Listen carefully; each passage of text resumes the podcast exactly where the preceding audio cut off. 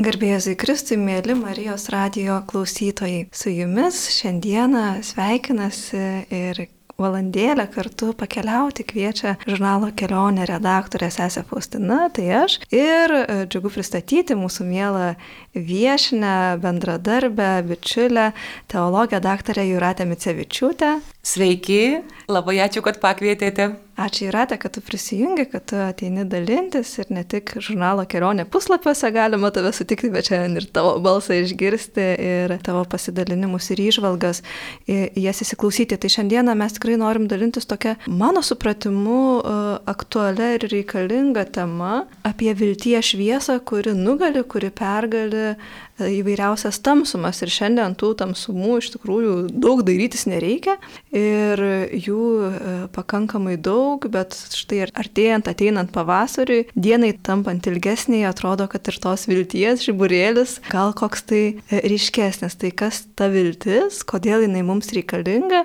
ir kaip mums tą viltimi gyventi, bandysim šiandien atsiremdamos į naujausiame žurnale kelionė publikuotus tekstus, pokalbius, susitikimus, įžvalgas, bandysim e, kartu pakeliauti. Tai man gal pirmiausiai norisi e, pradėti nuo pirmojo teksto ir pasidalinti keletą minčių iš jo. Tai yra Gedriaus Tamaševičiaus straipsnis pavadintas, kad nakties danguje pastebėtume rytmetinę žvaigždę. Būtent apie tas tamsumas, apie šviesumas ir apie, apie tą kelionę į viltį. Tai jis nemažai kalba apie tą, tai kad mes miesto žmonės ar nesunkiau patiriam tą tamsą, vis nuo jos pabėgam, nors tamsa taip pat yra reikalinga ir būtent toj tamsoj, žvelgdami į žvaigždėto dangaus begalybę, dėkojame Dievui už jo neišsenkamą kantrybę ir gailestingumą, už nesuvokiamą pagarbą žmogaus laisvai, sako jis. Pagaliau suvokia, kad nesame pasaulio centras, pamirštame nesipildžiusias ambicijas, apsisprendžiame gyventi pasitikėdami Dievo vaizdą. Ir būtent e, tame sužimba dvasios gedrumo dovana. Ir tuomet, kai mes patiriam tą dovaną, tą dvasios gedrumą, tuomet net ir nevelti kelinti šių dienų tikrovė, nauji karo žydiniai, gamtos katastrofų perspektyva, auganti nesantaika tarp žmonių dirbtinio intelekto užmojai, tai ne, nepajėgia mūsų išmušti iš vėžių, sako Gedrius.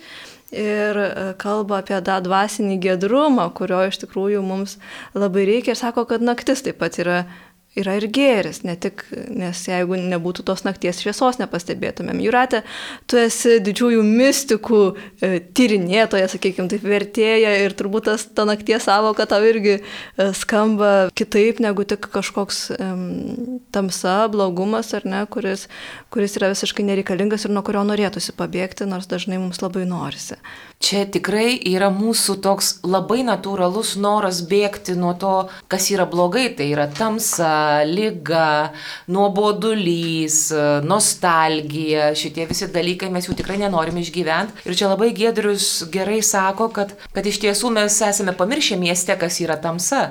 Ar ne, mes visą laiką pasistengėme tas, tą savo baugų laiką išvaryti iš savo gyvenimo, nes visą laiką elektra įjungta, visą laiką žibintai, to nakties dangaus net ir nesimato, mes visą laiką taip dirbtinai pratęsiam savo dieną, kad tos nakties mūsų gyvenime nebūtų. Ir tai labai sveika, žmogui būtų nesveika norėti sirgti, norėti būti naktyje. Ir netgi, vat, kaip, kaip minėjai, e, didieji mystikai, nors ir sakė, kad naktis yra didžioji galimybė, bet perspėjo, neieškokit patys bėdų, jas nelyskit dirbtinai, kančios neieškokit. Dievas nenori, kad jūs kentėtumėt, bet jeigu reikia, tai jisai pats jūs panardins, bet jau pradozuos tą, tą tamsą, reiškia pamatuos kiek lašiukais, milimetrais, mililitrais, kad nebūtų per daug, nes žmogus kaip pats įlenda, tai jis nori maksimumą visą laiką, o Dievas pamatuoja. Tai va, tai e, irgi mes kažkaip esam pamiršę, kad jeigu nebūtų tamsos, tai mes to šviesos tiesiog nepastebėtumėm. Jeigu visą laiką šviesoje gyveni, tai, tai tu nepastebi, kokia jinai gera. Ir pavyzdžiui, sveikatą tu gali vertinti tada, kai tu susirgi elementari sloga ištinka ir tada galvoju, dievuliau, nu nors vieną kartą įkvėpti normaliai, kokia tai būtų laimė. O jeigu visą laiką kvėpuoji, tai lėki ir tada jau visai kitos bėdos, jau tada rūpi visokių dirbtinių rūpeščių atsiranda. Tai nakties mums reikia, nes čia yra tas, tas traumos naktis, yra tas mūsų brendimo laikas ir didžioji galimybė. Tai čia va yra nuostabiai atskleista. Ir yra daugiau negu vienas straipsnis, čia ne tik tai Giedriaus, yra daugiau tekstų, kurie apie tai kalba. Ir čia, pavyzdžiui, va, su, su seselė Gitariliškytė labai mhm. įdomu irgi apie tai yra kalbama, pokalbis su jie ir, ir jos pasvarstymas apie teologinę viltį. Taip, iš tikrųjų, džiaugsmas, kad šitame žurnalo kelionė numeryje, asmenybės kiltyje galim sutikti seselį Gitą, kuri šiaip pažįstama mums kaip teologija, kuri rašo tikrai gilius puikius tekstus, bet šį kartą dalinasi savo gyvenimo istoriją ir tai, kaip ją viešpats pakvietė ne tik vienuoliniam pašaukimui, bet taip pat ir medikės, kardiologės pašaukimui, irgi per tokias, na, sakyčiau, sunkes patirtis ir pat tikėjimo patyrimas. Tikrai, e, kas skaitysit žurnalą Keronė, nepapasakosim dabar visos istorijos, bet tikrai e, rasite labai įdomių momentų ir jautrių pasidalinimų. Ta pati tikėjimo naktis, kurią ją ištiko net norinčią tikėti, ar ne, bet bet suprato, kad to tikėjimo negali pasiimti kaip, kaip, kaip kažkokio daikto, ne, bet tai yra tikrai Dievo malonė ir dovana. Na va, ir besikalbant su sesė Ligita, tikrai e, kilo tie klausimai ir apie šių dienų tamsą, ir apie tai, kas, e, kas šiandien neleidžia matyti to šviesos ir atrodo, kad tos sutemos labai tamsios. Ir neseniai sesė Ligita išleido knygą e, Kodėl kryžius? Ir, ir vienas iš, iš klausimų toje knygoje taip pat yra, ar naktis prieš aušrą turi savo vertę. Nesakoma, kad sutemos tirščiausios yra prieš auštant. Ir ar, ir ar galim manyti, kad šiandien jau esam tose tirščiausiose sutemose, nes atrodo, kad pasaulio situacija tikrai labai, labai sudėtinga ir viskas. Ir jau labai tiršta. Bet seserė Gita sako, kad norėtų tikėti, jog tuoj pradės švisti, bet negalim žinoti ir galim pasitikėti tai, kad... Bet svarbiausia pasitikėti, kad Dievas žino ir niekada nepalieka mūsų dobėje. Sutemų tamsos patirtis gali būti labai sunki, gali atrodyti žlugdanti, bet malonės gale esam pajėgus galiausiai neatsakyti blogiui į blogį, nutraukti smurto ratus, kurie egzistuoja istorijoje ir rasti būtų, kaip tą padaryti atsakingai. Tai yra malonės veikimas, kad net tamsumose ar ne, mūsų yra pasirinkimai tam tikri ir mes galim neatsakyti blogiui į blogį ir tokiu būdu taip pat tą šviesą plėsti ir, ir tam tikrą prasme šviesti. Čia lygi tos istorija, netgi šeimos, čia irgi neišduosiu, kas, apie ką ten yra kalbama, bet e, labai gerai iliustruoja tai, ką jis sako, kad iš tiesų va, tas keršto ciklas istorijoje nutrūksta tik dėl to, kad kažkas suranda jėgų atleisti. Tai keršto ciklas žinot, kas yra, ar ne? Va čia mane nuskriaudė, tai aš tau dar labiau tada užsūdysiu, žinosi, kitą kartą neįsi, čia prie manęs nelysi. Ir va taip, o aš tau tada dar labiau ir dar labiau. Ir va tokiu būdu mes prisiritam, ta spiralė taip įsisuka, kad nėra kaip sustabdyti. Ir galiausiai taip išeina, kad kažkas sako, aš viskas, aš čia stoju, aš atleidžiu. Ir, čia, ir tai yra kryžius, va tasai atleidimas ant kryžiaus. Bet neužglostant, nepaneigiant kaltę. Reiškia, teisingumas turi būti, teisingumas yra svarbus, nes, kaip ir sakoma Biblijoje, teisingumas yra Dievo sostas. Dievas nėra teisingumas, Dievas yra meilė. Bet jo sostas yra teisingumas, meilė sėdi teisingumo soste. Tai lygita labai gerai tą atskleidžia Ir mums tai yra svarbu išgirsti. O be to jinai, kaip sakoma, kalba kaip gydytoja ir kaip teologė, tai jinai kalba apie tą dviejopą blogį. Nes viena vertus blogis gali būti gamtos blogis, kai ten gamta staiga panyra į chaosą, būna žemės drebėjimas arba ugnikalnio išsiveržimas, žūsta žmonės, didžiulės kančios, bet gali būti ir tas pasirenkamas blogis, kai žmogus apsisprendžia padaryti blogai kitam žmogui. Moralinis. Ir čia jinai tada jau prabyla kaip teologija. Tai va tas palyginimas tų abiejų blogių ir mes su abiem jais gyvenam, kaip su jais sugyventi ir kaip juos priimti, čia viltis yra tiesiog būtina, kad mes pasirinktumėm teisingai. Ypač kai tiesiog jauti, kad gal čia tikrai va tos pačios tirščiausios sutemos. Nes labai įdomiai vadina, sako, čia yra vilko valanda. Reiškia, vilko valanda, kai labiausiai baisu, kai ten labai labiausiai plaukai širpsta ir ta, ta vilka visur, tas raudonas akis vilko tiesiog matai tamsoje. Tai va tada pasižiūrėti, rasti tą vilties švieselę, rytmetinę žvaigždę, kaip sakė uh, Tamaševičius, pamatyti toj tamsoj. Ir tada ypatingai ryškiai spindi. Ir tada Ligita Riliškytė, va irgi labai įdomiai, paskui dar yra į pokalbį su Jeva, čia kur se, sesuo Faustina e, darė tą pokalbį, kalbino. Ir tada yra pačios Ligitos tekstas apie teologinę viltį, kuo jinai skiriasi nuo tos mūsų žmogiškos vilties. Aš irgi apie tai čia rašiau, yra mano tekstukas, irgi lyginau tas dvi viltis, bet Ligita labai gerai atskleidžia, kad mums pateikia Švento Tomo Akviniečio apibrėžimą. Tomas Akvinėtis mums gali atrodyti sudėtingas, bet jis tokių gerų dalykų yra pasakęs, kai kažkas išlūkštena ir atneša, nu tai būna tiesiog kaip dovana. Ir sako, va tokį apibrėžimą, va tos teologinės Dievo dovanotos vilties, reiškia, kurios mes patys iš savęs niekaip išlūpti negalim, bet jeigu mes laukiam, jinai ateis. Jeigu mes atsiveriam, sako, kad ta viltis yra sunkaus, bet įmanomo ateities gėrio troškimas. Reiškia, tai, ką galime lengvai įsigyti arba jau turime, mes nesiviliame tiesiog siekiame arba mėgaujamės. Bet viltis, e, va, ta ateinantis sunkiausių momentų, sunkiausioje situacijoje, kai atrodo nėra ko viltis, va tame juodume, staiga, kai jau visiškai atrodo dugnas, žmogus staiga atsikelia ir sako, aš toliau gyvensiu. Čia dar yra vad gabaliukas kelio, aš dar žengsiu, dar bent žingsnį. Nu, ir tada jau reiškia pagauna apvaizdą ir veda. Ir čia irgi truputį apie tai, ką rašiau savo tekste, tai man buvo labiausiai turbūt labiausiai rūpėjo vat, palyginti tą mūsų žmogišką viltį su dieviškąją viltį. Ir čia tarp kitko irgi skaičiau paskaitą apie tai ir viena psichologija paskui padėkojo, sako, nu mūsų per psichologiją to nemokino. Nes psichologus, kai mokina dabar, tai sako, nu žmogų, kas skatina veikti, va ryte atsikelti iš lovos. Tai arba tu kažko nori gero, arba tu bijai kažko blogo. Reiškia dvi motivacijos. Tu ieškai malonumo, arba tu vengi skausmo. Viskas. Tai viduramžiais holastai, tas pats reiškia Tomas Akvinėtis, jie žinojo, kad va tų varomųjų mūsų aistrų yra daugiau, kad yra dar dvi.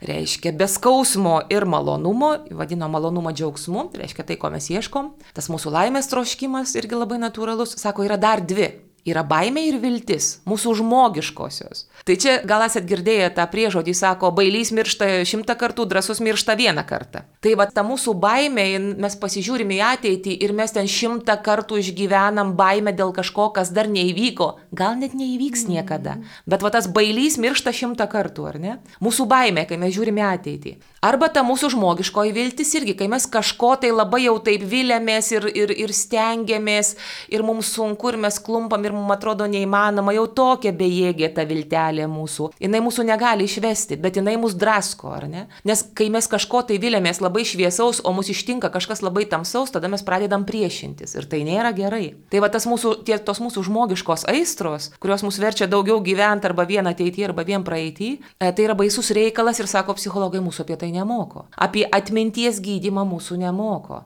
Ir vat, kai ateina tai dieviškoji viltis, jinai būtent ateina į mūsų atmintį, kur mes savo visokius įsivaizdavimus, prisiminimus saugom. Ateina dieviškoji viltis, jinai juos išgydo. Mes pamatom, atsigrėžiam atgal ir kur, kur galbūt buvo viskas labai juoda, mes taiga pamatom šviesos pragėdrulius. Ir jeigu mes sugebam už tai padėkoti, tai mes jau einam dievišku keliu, mus jau veda šviesa. Tai va tas atminties išgydymas. Mes nesam kaip budistai, nu ta prasme, kad atsisėdu ir medituoju dabarties akimirką. Nėra ateities, nėra praeities, viskas yra dabartis. Krikščionys yra istorijos žmonės ta prasme, kad mums praeitis yra reikalinga. Nes atsigręžia į praeitį, vad kaip žydai, kaip juos išvedė iš Egipto, Du tūkstančius metų, tai dabar jau keturis tūkstančius metų. Per kiekvienas Velykas dėkoja Dieve, ačiū, kad tu mus prieš keturis tūkstančius metų išvedė iš Egipto. Nu tai jau padėkojot, užtenka. Kodėl? Tai va čia kaip Šventa Teresė sakė, Avilietė sako, dėkodami mes išmokstame mylėti, iš dėkojimo gimsta meilė. Tai čia aš truputėlį mm, užtesiau, bet turbūt labai ačiū apie tą atmintį, nes ir mūsų ir maldoj, ir Euharistijos kiekvienam šventime mesgi dėkojam už Kristaus auką, ar ne? Ir tai yra padėka. Dar jūratė norisi prie tavo teksto man trupučiuką stapti ir nenubėgti toliau, bet labai gražus pavadinimas. Ir tavo straipsnis apie vilties darybę pavadintas Šaukštas dangaus vilties darybė.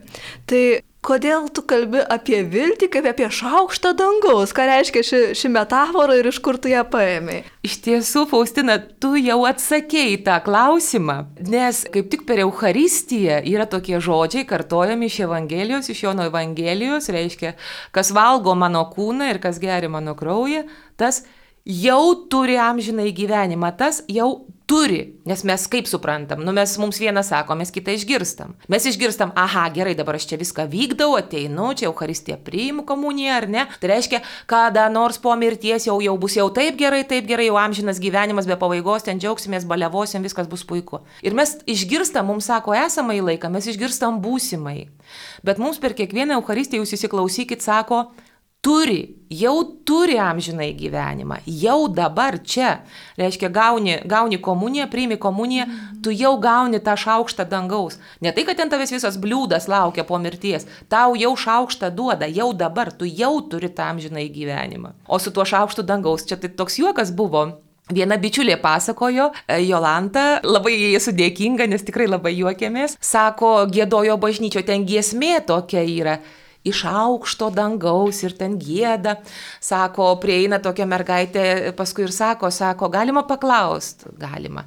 O kas tas šaukštas dangaus?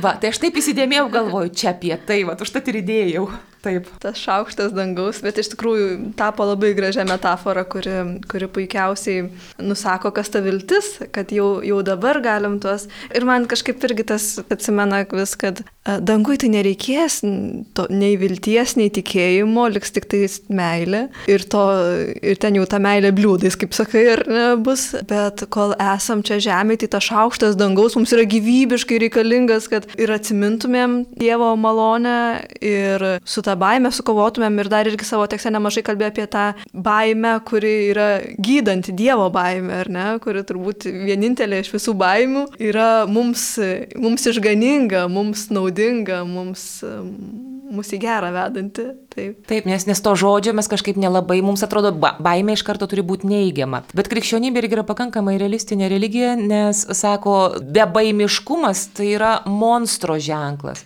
Nes Biblijoje bebaimis yra levetanas, o levetanas yra monstras. Ar ne? Tai, tai turėti netgi tą žmogišką baimę yra labai teisinga, nes mes tokie trapus esam. Bet sako, vad, Dievo baimė yra gerai.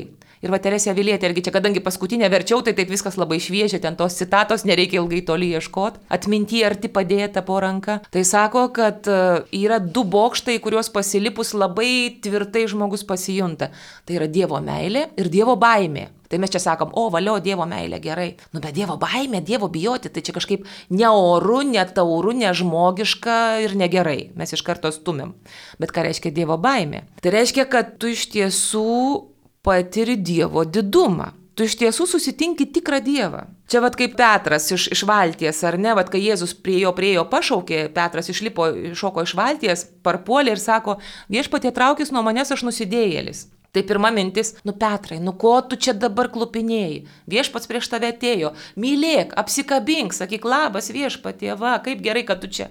O jisai sako, pasitrauk nuo manęs viešpatie aš nusidėjėlis. Tai irgi mačiau kažkaip gerą paaiškinimą ir man tada va, taip atsivėrė va, tuo, tuo metu. Sako, jis pama, jis atpažino viešpatį. O jeigu tu tikrai susitikai Dievą, tai tu pamatysi, koks jis didelis ir kai jisai toks didelis, tai tu pasijusi toks mažiukas, tau bus tai baisu. Ir va tada tu suprasi, kad su tokiu Dievu geriau nesiginčyti. Bet jeigu esi jo draugas, tada tau nieko nebaisu. Tai va tada tau viskas lengva. Tai reiškia viena vertus prie didelio Dievo, tokio didelio baisoka ir tu natūraliai jauti Dievo baimę, bet jinai labai padeda gyventi. Kaip sako Teresė, po to viskas taip lengva, nes tu turi tokį draugą už kurio gali pasislėpti nuo, nuo, nuo, visų, nuo visų tamsybių. Ir čia vėlgi jau sugrįžtant prie to, va, ką matau, esi atsivertus, reiškia tekstas apie logoterapiją labai įdomus. Ir paskui Marko Mansono irgi tekstas, jie kalba truputį apie tą patį, kad mes iš tiesų gyvenam tokiam sugadintam pasaulyje ir mus nuolat ištinka tamsybės, nu, psichologijoje tai vadinama traumomis.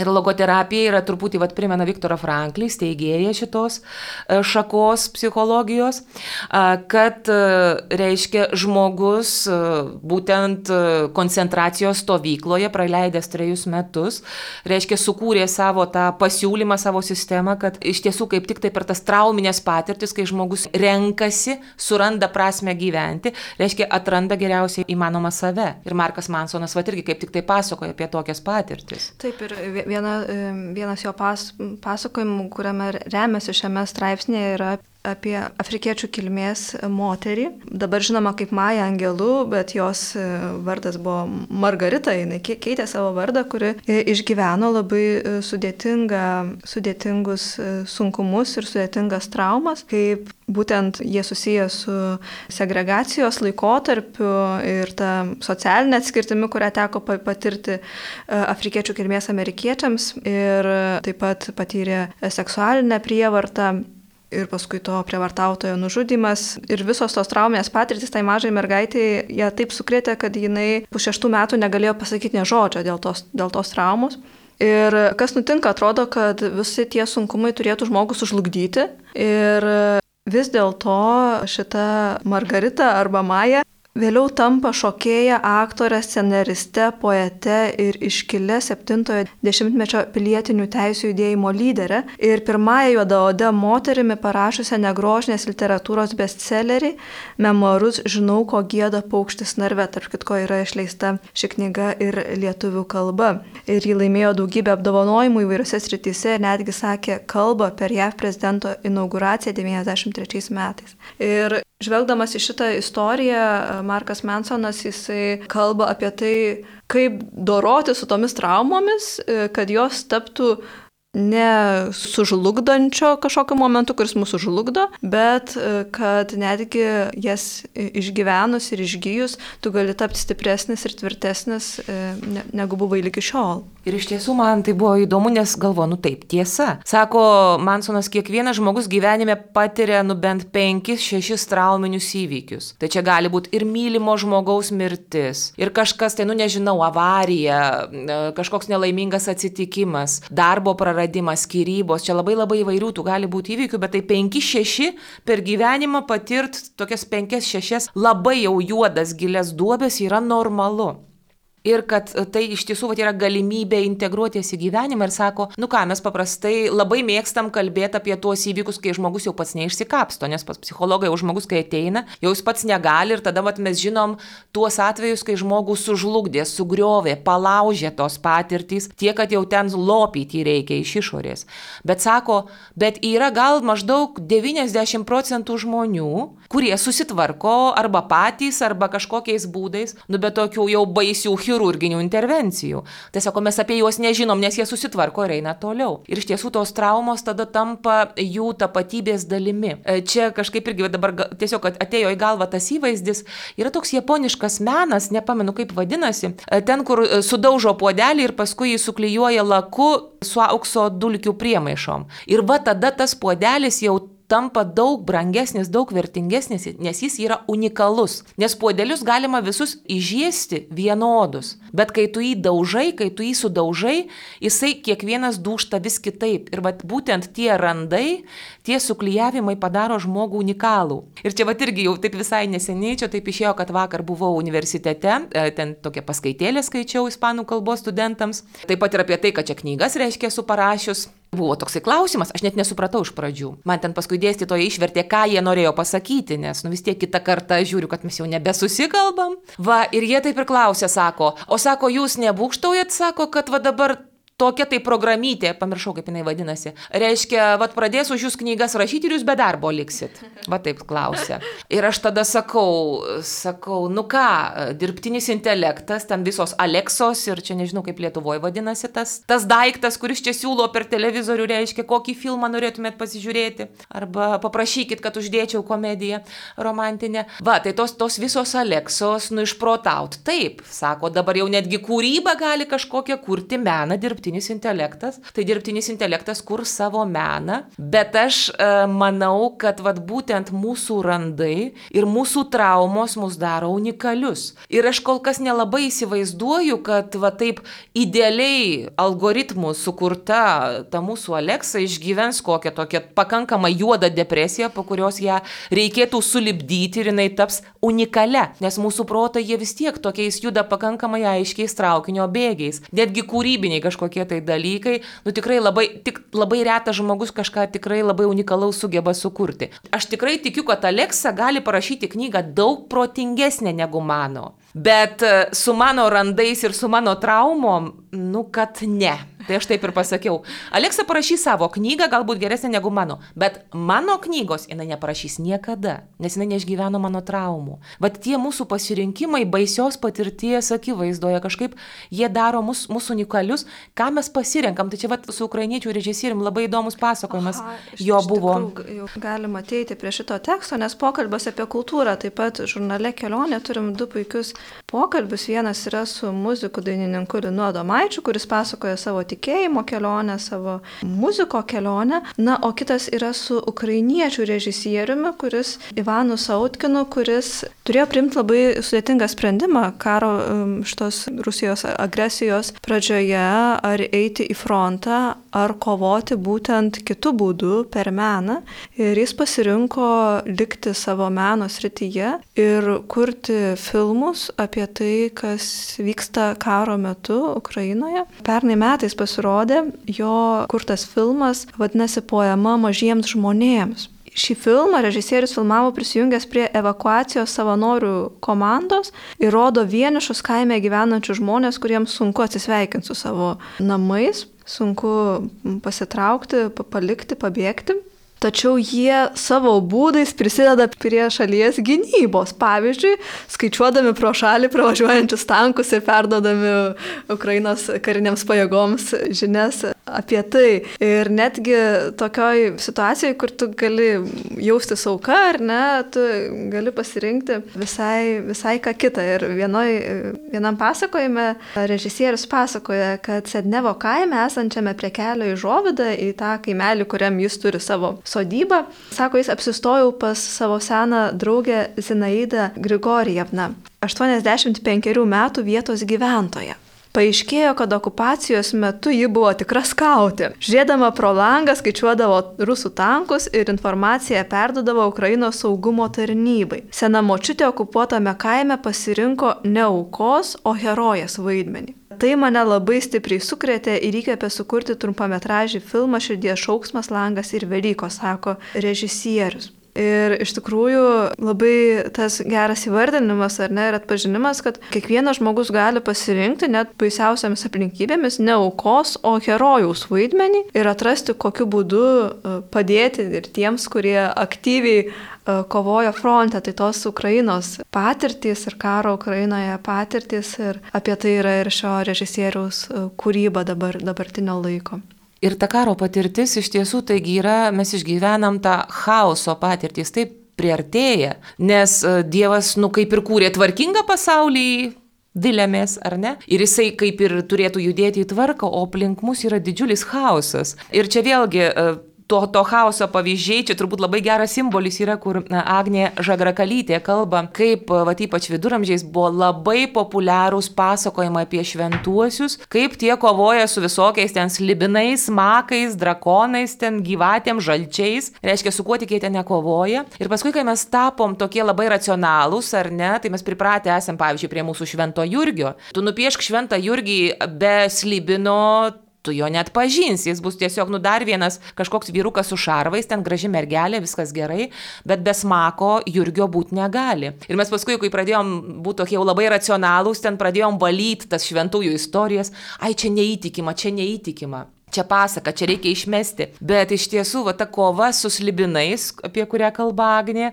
tai labai gerai perteikė žmogaus e, viltį, e, kad gavęs iš Dievo jėgą, jisai gali kaip ir Dievas kūrybos pradžioje, pasaulio kūrimo pradžioje suvaldyti tą chaosą, ar ne? Bet dabar vėlgi, va, tą slibiną, suvaldyti slibiną, nugalėti slibiną. Ir iš to, iš to chaoso, va čia irgi e, pradėjom apie tai truputėlį kalbėti, viena iš chaoso apraiškų, va, nutylima tema, kaip tik buvo apie e, tai, kaip e, poros sutuoktiniai siekia metų metais susilaukti vaikučio ir jiems niekaip nesiseka ir iš kokios įtampos iš to kyla ir panašiai, tai kaip pagalvoji, nu tai yra chaoso išgyvenimas. Dieve, tugi sakei, aukite, dauginkitės, mes norime daugintis, mes norime daugėti, norime aukti, mes viską darom teisingai, o tu mums neduodi vaikučio.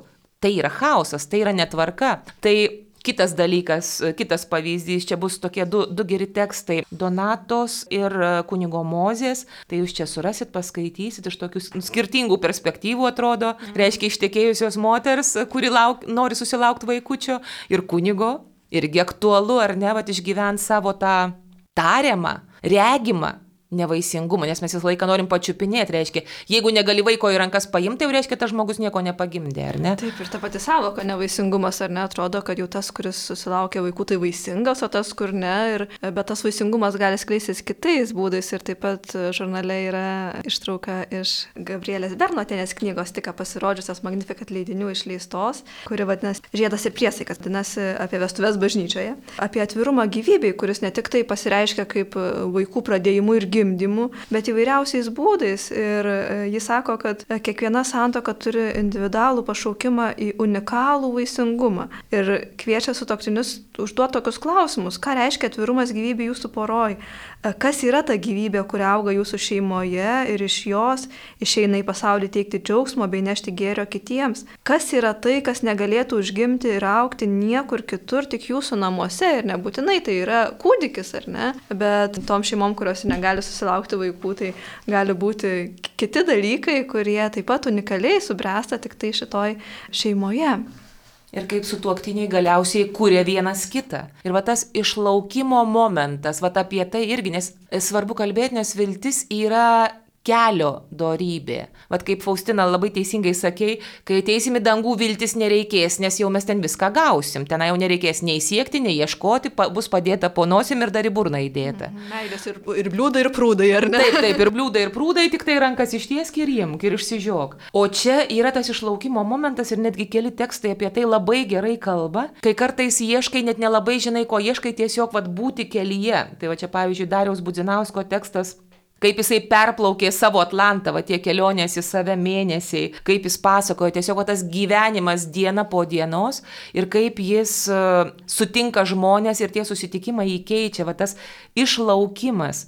Ir va čia prie to išlaukimo uh, irgi norėčiau paminėti gal valdo uh, Matskelos tekstą apie tai, apie bažnyčios situaciją, vis tiek čia turbūt visiems ir tikintiems, o kartais netikintiems dar labiau rūpi bažnyčios situacija, kas čia darosi, ypač skandalai, labai skani tema.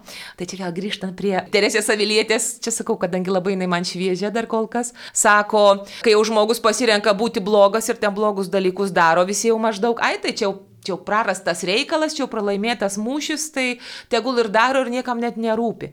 Bet vad kaip bažnyčioje kokią dėmę pamatai, tada jau kaip piktintis pradeda, ar ne, čia šitą mes visi žinom. Kaip skandalai bažnyčioje visus labai domina. Nu tai viena vertus gerai, reiškia, mes dar norim tikėti bažnyčią. Nu bet kita vertus, ką su tuo daryti. Ir e, Valdas Matskelai irgi taip gerai palygina bažnyčia, sako Petro laivas, bet tai yra ir Nojaus arka, kur visokiausių žmonių yra. Ir kur tos, tos bangos kyla iš mūsų tokių labai žmogiškų norų padaryti kuo geriau, bet vieni tą kuo geriau mato vienaip, kiti kitaip. Vieni nori būti labai konservatyvus, kur ten kunigas buvo iškart po angelo, ar ne? Ir dabar mes matom, kad kunigas žmogus ir jau mums labai nepatinka. Reiškia, nori, kad viskas būtų kaip anksčiau, čia jau tiksliai pagal kanonus, ten myšios jau tik lotyniai kiniškai ten, e, reiškia, altoriai apgrėžti, labai auksų spindi, nu, kad būtumėm kaip danguje, nes danguje bus kitaip, ar ne? Mes va, tiesiog norim to kitoniškumo. O kaip kiti priešingai nori, kad būtų neturtinga, gailestinga, artima vargšui, kad kunigai dirbtų fabrikuose, būtų ten gydytojai ir panašiai, kad prieitų labai arti prie žmogaus. Va, ir vieni norim vienaip, kiti kitaip. Tai va, tada banguoja tos bangos mėto, reiškia Petro laivą ir reikia išlaukti. Ir valdas e, sako, prisimena Benediktas XVI, nes čia jo atsisveikinimo laiškai, parašyti ir neparašyti, čia taip yra suformuoluotas teksto pavadinimas, sako, nu jis buvo toks kaip kunigas gydytojas, ar ne? Ir iš, viena iš lygų, kurias jisai diagnozavo, tai buvo relativizmas. Labai toks keistas žodis, bet kai išsiaiškini, ką reiškia, labai aišku. Sako, netikėti, kad, kad ateitis egzistuoja. Netikėti, kad mes turim ateitį. Tai čia vad sėdi toj vilko valandoj ir jau taip juoda, kad tu netiki, kad kada nors išauš. Mm. Tai yra vilties neturėjimas, vilties praradimas. Tai yra baisi lyga, nes e, irgi, jeigu mes pasižiūrėsim, e, reiškia, Evangelijoje, tai Kristus sako, nu, vargas jums, kurie praradote viltį. Reiškia, čia yra nuvos neprakeikimas, mes, mes patys savo užsitraukiam prakeikimą, jeigu mes netikim, kad turim ateitį. Tai čia apie tą reiškia chaoso artumą e, ir kaip reikia išlaukti. Ir čia e, irgi vat, gal prie to paties Antano Šimkaus labai įdomus tekstas, vadinasi, tylėjimas, esė. Čia gal jis bus aktualesnis tokio truputį vyresnio, vat mano amžiaus žmonėms, kurie dar prisimenam, kokios buvo sovietinės mokyklos, kai reikėdavo tiesiog iš savęs išlaužti viską, nebuvo ten tokių interaktyvių užsiemimų, kurie padeda mokytis, kai ten žaidi, bet ir mokaisi. Čia dabar, nu, taip tarsi, tarsi lengviau, ar ne? Tai sako, sako, nu, mes tokiam kaip ledynmetį gyvenom. Jūs mūsų nespauskit, nelaužkit iš mūsų didelio entuzijazmo, mes esam pripratę gyventi ledynmečio sąlygom. Išlaukti, pakol ateis pavasaris, išlaukti, ištverti. Mes išstovėsim, mes išlauksim, mes ištversim, bet jūs mūsų neskubinkit, kad mes čia šokinėtumėm iš džiaugsmo jau dabar, nes mums dar ledynmetis, jisai, jis dar, jis dar mumise. Ir ypač, kai, kai apsidairai aplinkui ir, nu, ir tikrai pasidaro truputį baisoka, nes, nes tamsa yra tokia labai tamsi. Tai čia, va, irgi čia prie vilties yra svarbu išlaukti chaosą. Ačiū Jūratė ir e, tikrai aptarėme keletą tekstų, dar liko ir, ir neaptartų, ir nepaminėtų, bet tikrai kviečiam e, surasti, įsigyti, skaityti žurnalą Kelionė, kuriame tikrai rasit kuo pamaitinti savo širdį, savo viltį. Ir gal visai baigiant norisi pacituoti Vytauto Kazielos įlėraštį dalį jo, kuris ir vadinasi taip kaip mūsų žurnalas Kelionė. Nežinojom, kur einam, nežinojom arba neprisiminėm adreso. Apgraibomis, klupinėdami tamsoje, rytas neužo, šviesa neprasimušė. Svarbiausia, kad mes nedvėjodami ėjome jam iš paskos. Tai tikrai to ir linkim, mėlyms mūsų klausytojams, net jeigu tos sutemos atrodo tirštos, nedvėjojant eiti jam iš paskos, nes viešpats yra mūsų viltis ir jis ištikimai keliauja kartu. Tai šią valandėlę e, su jumis kartu e, buvom džiaugsmas, e, kad Kartu su mumis čia yra ir dalinosi teologija daktarė Juratė Micevičiūtė, žurnalo kelionė bendradarbė, kurią visada didelis džiaugsmas sutikti Lietuvoje, nes šiaip ji būna Ispanijoje, kur kas tolėliau. Na ir aš, žurnalo redaktorė, esu Faustina, tai tikrai linkim jums palaimintų ir šviesių dienų. Labai jums ačiū, geros dienos. O dabar girdėsite ištrauką iš žurnale kelionė publikuojamo sesers Ligitos Riliškytės straipsnio O viltis neapgauna. O viltis neapgauna, nes Dievo meilė yra išlieta mūsų širdise šventosios dvasios, kuri mums duota. Laiškas romiečiams, penktos kyriaus penktą eilutę. Ketinu nuo pat pradžių atskleisti savo kortas. Viltis, kurią čia kalbėsiu, nėra paprasčiausiai psichologiškai sveiko žmogaus viltingumas ar optimisto pasitikėjimas, kad aplinkybė susiklostys kažkaip palankiai ir gyvenimo audros mus aplenks, ar bent jau, kad jos debesis puoš sidabrinis saulės atšvaito pakraštėlis. Viltis, kurią noriu čia trumpai apmastyti, nėra ir lietuvių liaudės patarlį įamžinta, kvailių motina, naivus lūkesčiai, akimirksnių likdumai išblaškomi realybės vėjų. Šis pamastymas yra apie viltį kaip dievišką ar teologinę darybę, kuri įmanoma tik Dievo malonės veikimu. Nors teologinė darybė yra asmens laisvai prisimama proto ir širdies nuostata, jos šaltinis ir tikslas yra ne mažiau nei pats Dievas. Te pasilieka šis trejetas. Kadangi pats Dievas yra vilties kaip dieviškos darybės davėjas, ji neatsieja mano tikėjimo ir meilės. Tikėjimas parodo mums tikslą, kurio link keliaujame - Dievo slėpinį. Viltis padeda nugalėti kelionės sunkumus, einant šio tikslo link. O meilė galiausiai sujungia mūsų šiuo tikslu pačiu Dievu. Sekdama Švento Pauliaus pėdomis, krikščioniškoji tradicija šį dieviškų darybių trejetą regi kaip ryškiausia Dievo veikimo sieloje anspaudą. Neveltui patyrę dvasios vadovai sako, kad jei norime atpažinti Dievo valią savo gyvenime, pirmiausiai turime išmokti pastebėti dvasinės paguodos momentus, kasdienybės ir maldos patirtis, kaip augame tikėjime, viltyje ir meilėje. Taigi, Tarp trijų teologinių darybių - tikėjimo, vilties ir meilės - yra glaudus ryšys. Kylant iš tikėjimo viltis mus judina keliauti amžino gėrio link, tačiau primena Šventasis Paulius didžiausia šiame trejate - meilė. Ir tikėjimas, ir viltis be meilės yra tušti. Anot Švento Augustino, Dievą esant tiki ir demonai. Galėtume pridurti, įvairias viltis puoselė ir nusikalteliai, tačiau tik meilės dėka viltis ir tikėjimas įgauna dieviškų darybių pavydalą. Viltis, kuri kyla iš tikėjimo ir veda į meilės vienybę su Dievu yra išganinga. Kas čia turima mintyje?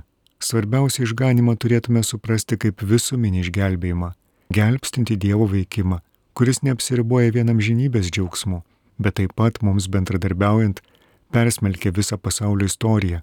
Kristaus kryžiaus pergalė yra tokios vilties garantas. Taigi nors vilties kaip dieviškos darybės galutinis tikslas yra vienybė su Dievu, visi laikiniai gėriai, kurių Dievas mums trokšta, telpa į tai, ko vilėmės vildamėsi Dievu. Viltis nematant vilties, nors viltis nėra atsieta nuo mūsų lūkesčių šiame gyvenime, kaip mokė šventasis Tomas Akvinietis, ji nėra tiesiog džiaugsmas dėl to, ką jau turime, ar tikrumas, kad dalykai susiklostys, kaip žmogiškai atrodo geriausiai. Viltis anot švento Tomo yra sunkaus, bet įmanomo ateities gėrio troškimas. Ką norėtų pasakyti, kalbant apie sunkų gėrį? To, ką galime lengvai įgyti ar ką jau turime, mes nesiviliame. Tokio gėrio tiesiog siekiame ir jo mėgaujamės. Toks gėris, galėtume sakyti, nėra vilties objektas.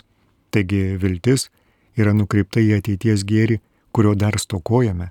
Vilties kaip Dievo dovanos dėka mes ištveriame dabartiniuose sunkumuose ir blogio akivaizdoje, nes tikime, kad skausmui ir mirčiai neduotas paskutinis žodis, tad viltis neatsiejama nuo ryšto, kantrybės pasiaukojimos meilės ir pasitikėjimo.